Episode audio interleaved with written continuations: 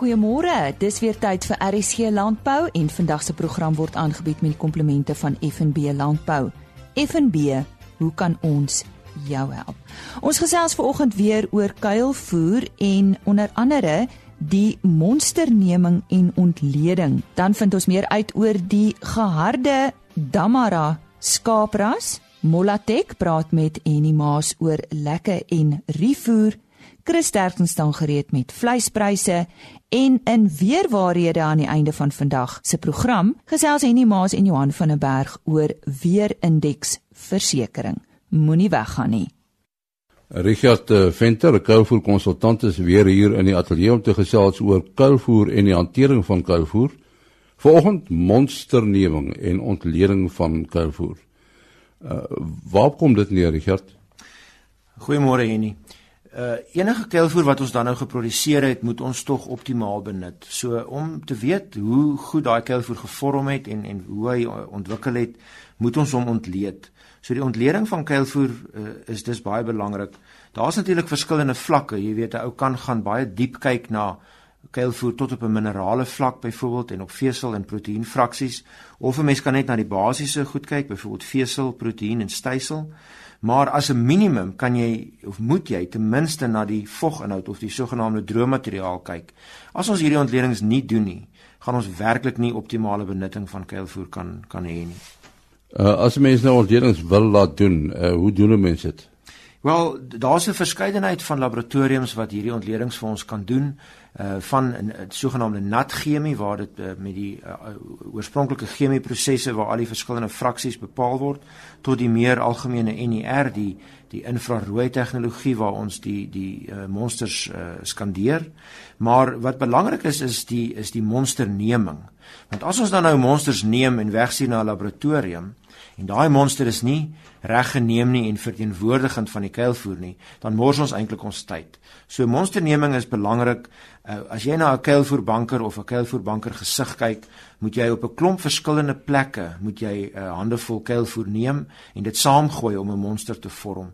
Jy kan ook nie as jy 'n handvol vat om sommer skud en hom rondgooi en 'n bietjie daarvan eindig in die sakkie nie, want byvoorbeeld in mieliekelvoer se geval val al die pitte dalk af en dan uh, kry jy 'n uh, uh, vals uh, stysel uh lesings. So monsterneming en die toerusting waarmee ons dit kan doen is is baie belangrik tot die suksesvolle uh, uh toepassing van die uiteindelike ontleding. Ja, as 'n mens nou by 'n kuilvoer banker staan op 'n plaas, uh, is is die bankers almal homogeen of is daar 'n variasie? Ja, en dit is eintlik 'n baie groot uitdaging hierdie want daar is groot variasie. Ehm um, ons sien variasie wat uit die lande uitkom. Jy weet wanneer ons kuilvoer gesny het, was daar variasie tussen lande uh uh tussen verskillende kultivars miskien dele uh, met tye dit gereën of nie. Uh al hierdie goed het 'n effek op die op die die uiteindelike ontleding of die samestelling van daai kuilvoer. En daarom moet kuilvoerbankers gereeld uh ten minste maandeliks sou ek sê ontleed word. Maar een ding wat ons nog meer gereeld moet doen is om die vog te monitor, want selfs wanneer ons miskien van een land af 'n kuilvoerbanker saamgestel het, vind ons dat die vogpersentasie of die sogenaamde droommateriaal kan deur daai banker varieer en 'n klein verskil in droommateriaal sonder 'n aanpassing in die rantsoen waar ons dit gebruik kan tot 'n groot verskil in produksie lei in die diere. Nou ons praat nou so van ontleding. Wie moet die ontleding doen? Gewoonlik help die voermaatskappy of die konsultant of iemand wat op die plaas betrokke is, help baie keer met hierdie ontledings.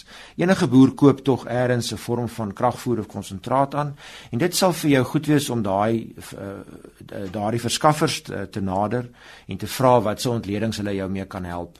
Ehm um, dis ook moontlik om self met laboratoriums te skakel en hulle kan natuurlik die ontledings vir jou doen. Dis net belangrik dat 'n voedingskundige dit vir jou interpreteer want dis een ding om te kyk na 'n klomp syfers op papier, maar is natuurlik 'n ander ding om dit reg toe te pas in die voeding van daai dier. Jy het net nou gepraat van uh, die volgende kuilvoer, so dis belangrik. Volgens uh, is eintlik alles hier nie want as ons daai uh, vogvariasies nie optel nie, gaan ons of meer betaal aan die voer wat ons voer of ons gaan produksie verloor. Baie dankie Richard Venter, hy's 'n kuilvoer konsultant. En Henny Maas is net nou weer terug met 'n uh, gesprek wat hy met Johan Mouton gehad het van Molatek oor lekke en rivoer.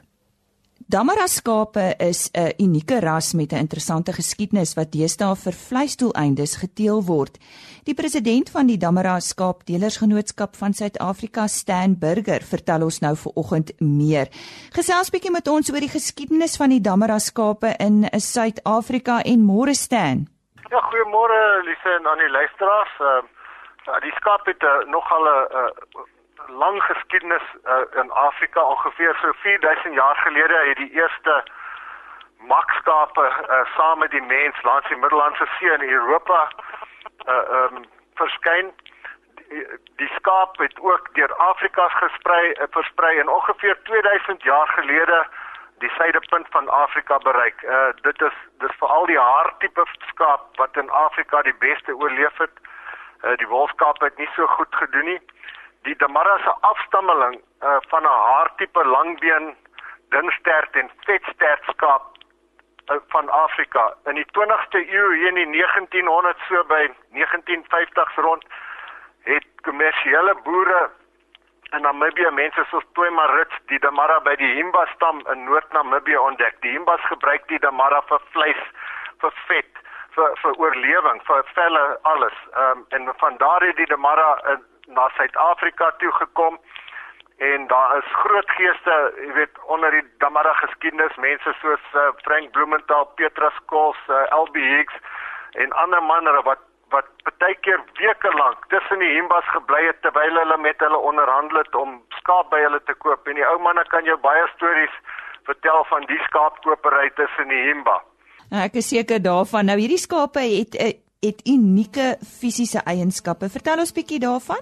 Ja, sekerlik. Ehm um, die eerste uh, en ek dink die grootste uh, kenmerk uh, van van Damara skape is die lang vet stert.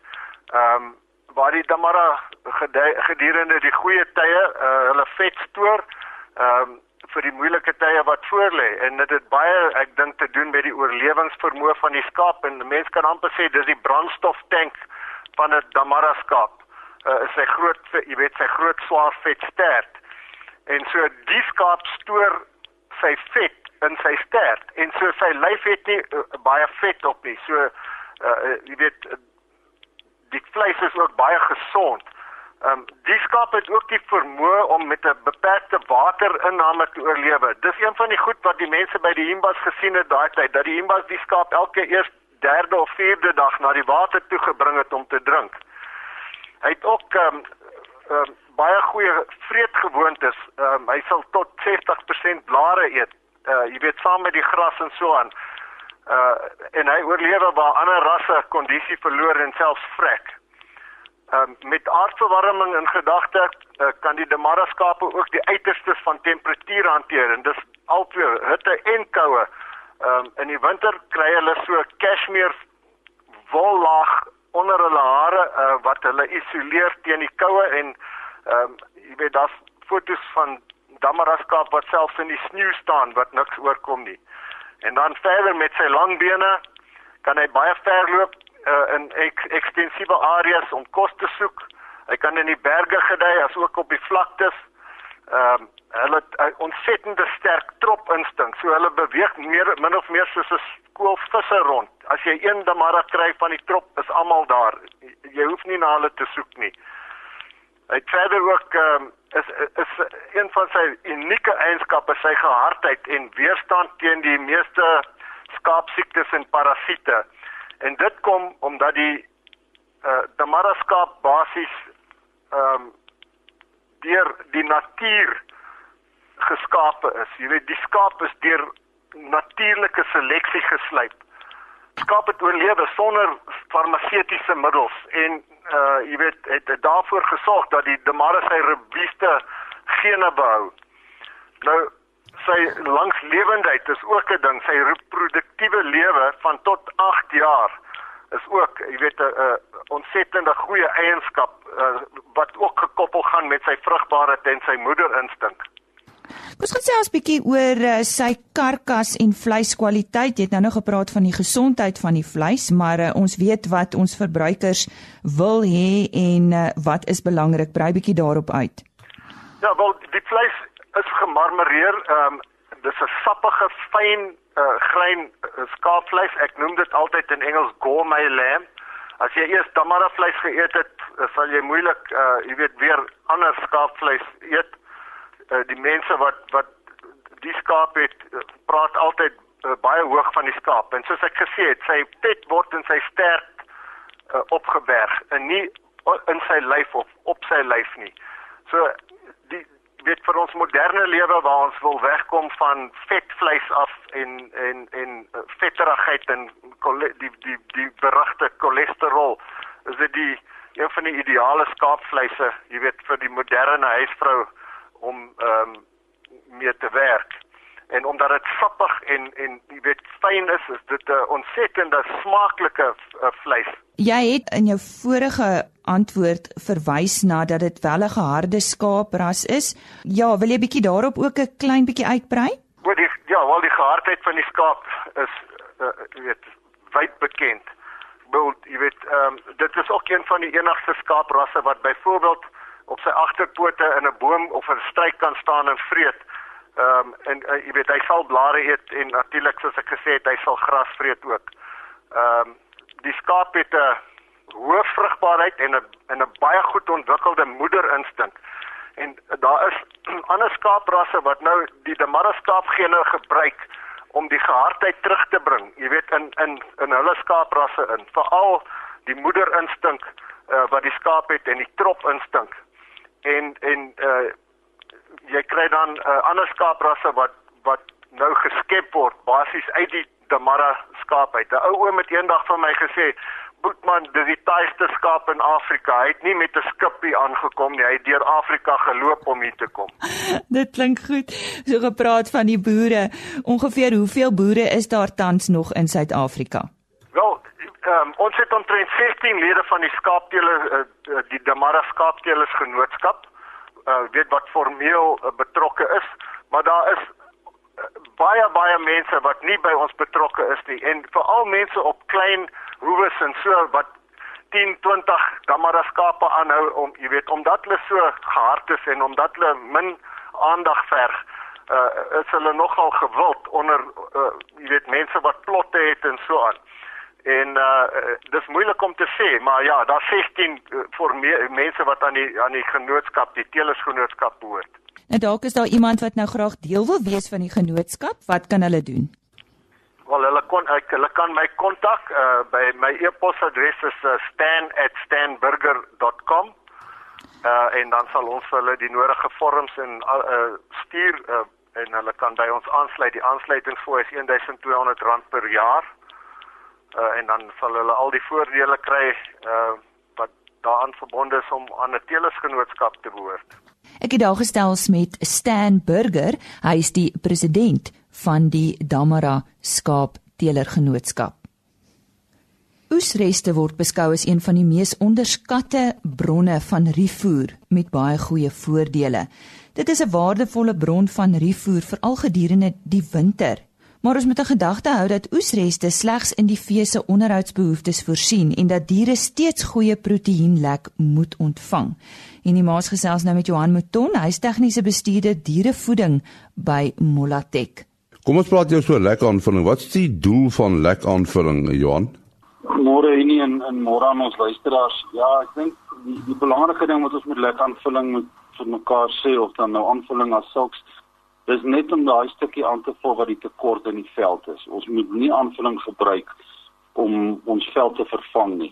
So sommer 'n vinnige sommetjie maak veld kos waarskynlik 'n rand per kilogram en lek kos 4 of 5 rand per kilogram. So dis 'n eenvoudige som. Ons moet net aanvul wat die veld kan voorsien vir ons nie. En as mense praat van rifoer, uh is dit moontlik om die voedingswaarde van rifoer te bepaal? Ja, en nie daarso is daar verskeie laboratorium tegnieke wat ons voedingswaarde kan bepaal en ons kan dit baie akkuraat doen daarmee deur die goed deur die laboratorium te druk. Maar wat ons moet onthou van daai ontleding so akkuraat soos wat hy is, is die ontleding van die monster wat ons getrek het. Ons moet seker maak daai tipe voer is wat in die dier se bek land. Want byvoorbeeld in natuurlike weiding weet ons is sodat diere as 'n reël die vermoë het om bietjie beter uit te selekteer uit die veld uit as wat ons met eh, met 'n monster sou getrek het.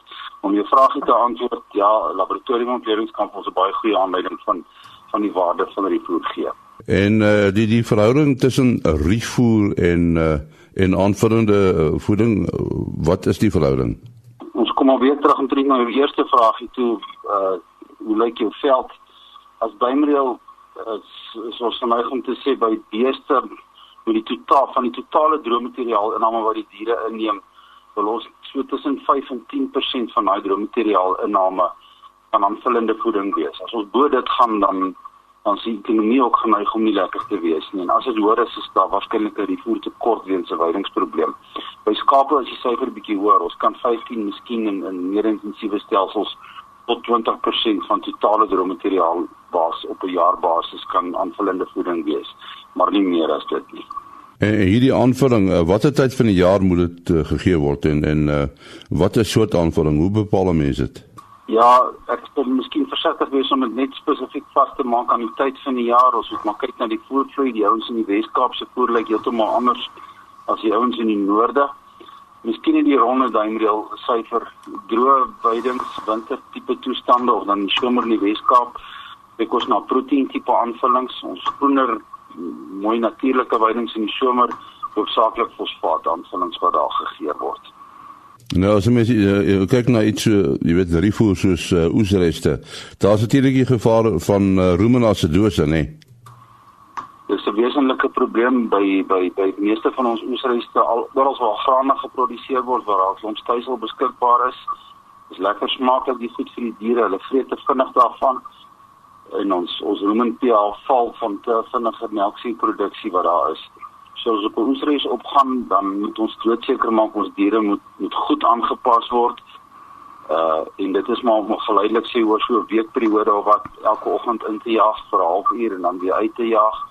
Ons kan voor die tyd 'n bietjie graan op vir hulle gooi, lae vlakke en opneem na hoër vlakke. Ek praat nou hoofsaaklik van skaap, by beeste is dit nie so 'n groot probleem nie daarmee saam gee ons ook vir hulle lekker wat gewoonlik 'n uh, uh, proteïen gebaseerde lekker is omdat ons oesreste 'n bietjie tekort van proteïen het maar die energie is genoeg dan wil ons ook seker maak dat die lekker het genoegsame buffers in die pore in om te help om die asidose te beheer. Johan, is daar 'n korrelasie tussen uh, uh, jonkalf se roemerontwikkeling en uh, en dan die voer wat hy kry? Ja, ons ons die die, die duimele is ons regtig ons jong diere, hulle moet so goed as moontlik ontwikkel. Vir die skape het ons al verskriklik baie werk gedoen oor natuurlike proteïen by ons beeste ook. Ons wil net die die as ons bietjie terug staan en daarna kyk, so goed as moontlik kos. Ons wil ons koeie se melkproduksie optimaal hê. Daarom is dit nodig dat sy in fase met ons hulpbron se aanbieding kalf seker te maak dat kalf groei so goed as moontlik uit tot op speen van naspeen af stel ons baie keer 'n probleem op en ons sien dit veral in die in die in die hoëvelde in die somermaande of in die wintermaande. Dit is vermy om daai kalvers op die winter deur te vat met net 'n gewone proteïenlek. As jy mens nou kyk na uh, lekker as sodanig, daar is produsente wat wat nie ten gunste van lekker is nie. Uh, waarom dink jy is dit? Waarskynlik net as gevolg van die koste. Dit is 'n duur aspek om te gee. Die die Die probleem daarvan is die insek wat jy nou lewer sien jy eers oor 'n jaar of oor 2 jaar van hier af soos met verse wat jy groot maak of iets van die jaar. Dit daar's 'n vertraagde effek. Dis nie mielies wat jy nou stikstof neersit en in 'n paar weke sien jy effek daarvan waarskynlik nie. Nou die afgelope 3 jaar was dan nog al kwai droogte vir al laas jaar. Uh en nou is dit 'n nat jaar. Uh, hoe hoe moet voer hanteer word in in die tye? die vinnige antwoord miskien baie nat jare soos wat ons verlede seisoen sommer eenpaal gebied gehad het. Ons gras het baie uitgegroei. Die kwaliteit van die weiding is bietjie swakker en ons lekker aanvullings as 'n reël bietjie hoër in in sulke jare. Baie dankie Johan Mouton, tegniese bestuurder dierevoeding by Molatek. Dankie Henny en op sy pos soos altyd op 'n donderdagoggend Chris Derksen met vleispryse. Dit is veilinge wat in die Noord-Vrystaat plaasgevind het en die datum van hierdie veilinge was Dinsdag 29 Augustus. Belangrikste opmerking is dat pryse baie stabiel bly teenoor laasweek. Die presiese pryse, speenkalvers onder 200 kg, R37.25, dan van 200 tot 250 kg, R36.60 en oor 250 kg, R35 presies. A-klasse R26.30, B-klasse R21.44, C-klasse vetkoeie eerstens R20.53 en markkoeie het gewissel van R17 tot R18.80 afhangend van die kwaliteit. Slagbulle R23.66. En vanaf die skaapmark, stoorlam R39.77, vetlam R36.07, maaroeie R26.14 en vetoeie R27.20. En jy sal sien die bokmark het effens gedaal want die groot feeste is weer verby en dit sal weer styg met die volgende groot geloofsfeeste. Boklam R37.02 en bokoeie R37.08. En indien ons ooit van enige hulp kan wees, skakel my enige tyd na 08280 75961. Baie dankie. Dit was dan Chris Derksen. Weer waarhede saam met Johan van der Berg.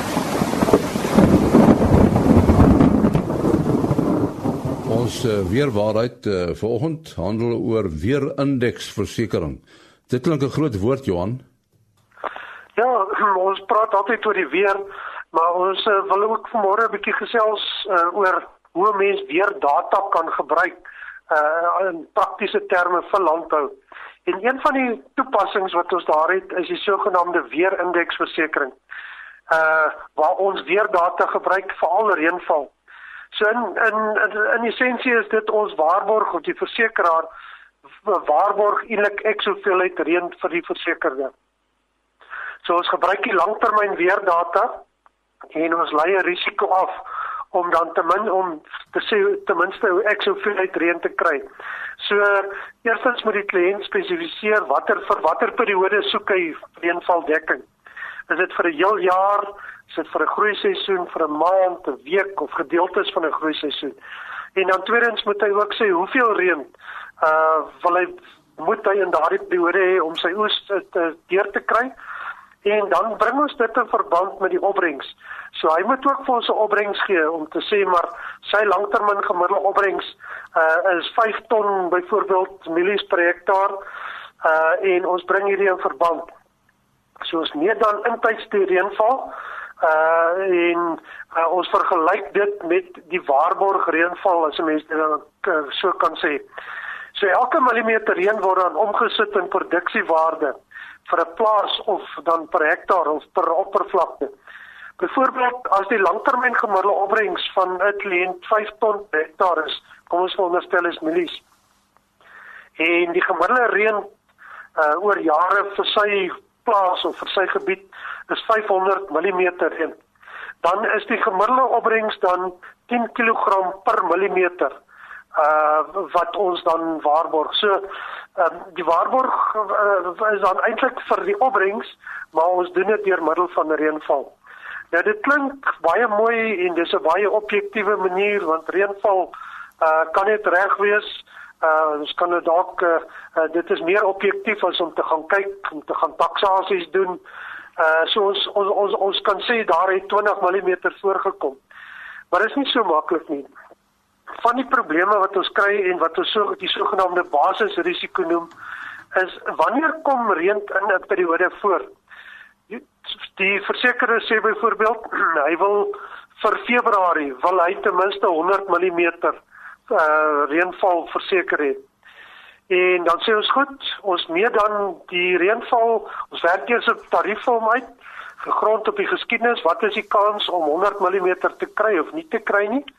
En dan meet ons die reënval daardie jaar en as daar 'n tekort is, net 50 mm of so dan betaal ons dan 'n ys uitgegrond op hierdie millimeter. Ehm um, die probleem is baie keer die reën as dit as die reën op die eerste van die maand voorkom. Verskil die landboutoestande geweldig teenoor as die reën sê maar teen die einde van die maand voorkom. So die reënvalverspreiding word nie in hierdie aanmerking geneem nie. En sodra mens kleiner periodes begin maak, dan begin die risiko of die tarief eintlik baie hoër word want die kans om ek soveel uit in 'n korter periode te kry is dan is is is is kleiner. Wat ook nie in ag geneem word nie is die effektiwiteit van reënval. Dit kan in 'n storm wees waar baie baie reën voorkom maar omtrent alles loop af wat nie effektief is in landbou nie. Die ander ding, ehm um, die reënmeter, as 'n mens reën meet, waar meet jy dit? Nou vir 'n plaas of vir 'n groter gebied, reënval is eintlik net geldig vir daardie oppervlakte van die reënmeter. So ons weet as dit 2 of 300 meter van die reënmeter af is, reën dit ook nie meer dieselfde nie. So reënval is baie wisselvallig. Uh en waar meet jy dit dan? So dit daar's baie foute wat kan voorkom. En dan die ander een wat ons noem 'n morele risiko is uh die reën wat voorkom of sou voorgekom het iemand kan dit afskerm en ons sê nie die kliënte is altyd skelm nie maar uh, dit kan afgeskerm word so want hoe minder reën in die reënmeter voorkom hoe droër is dit uh en daar kan gemanipuleer word aan hierdie goed. So ons gebruik hierdie om na versekeringsprodukte te kyk, maar daar's ook maar 'n groot leemte en by die gebruik hiervan, uh daar is ook 'n mens met lank genoeg rekord sê wat baie keer ook nie voldoende is nie, maar uh, dit is van die uh, produkte of innoverende aksies wat gebruik kan word uh om weer data te gebruik. Ja, lyk like my dit is 'n studie uh in veranderlikes Dit was uh, Johan van der Berg van Santam Landbou. En onthou volgende donderdag maak Henny Maas en Johan van der Berg weer so. Skakel dan weer in vir weer waarhede. Vandag se program is aangebied met die komplemente van FNB Landbou. FNB, hoe kan ons jou help? Onthou Chris Viljoen môreoggend om kwart voor 5, so ook om kwart voor 12 Saterdagoggend met nog RSC Landbou nuus vanaf die departement landbou daar in die Wes-Kaap. Mag dit met u sommer baie goed gaan en mag u naweek net rustig wees. Van my Lise Roberts, totsiens. RSG Landbou is 'n produksie van Blast Publishing. Produksieregisseur Henny Maas. Aanbieding Lise Roberts en 'n notas koördineerder Jolande Rooi.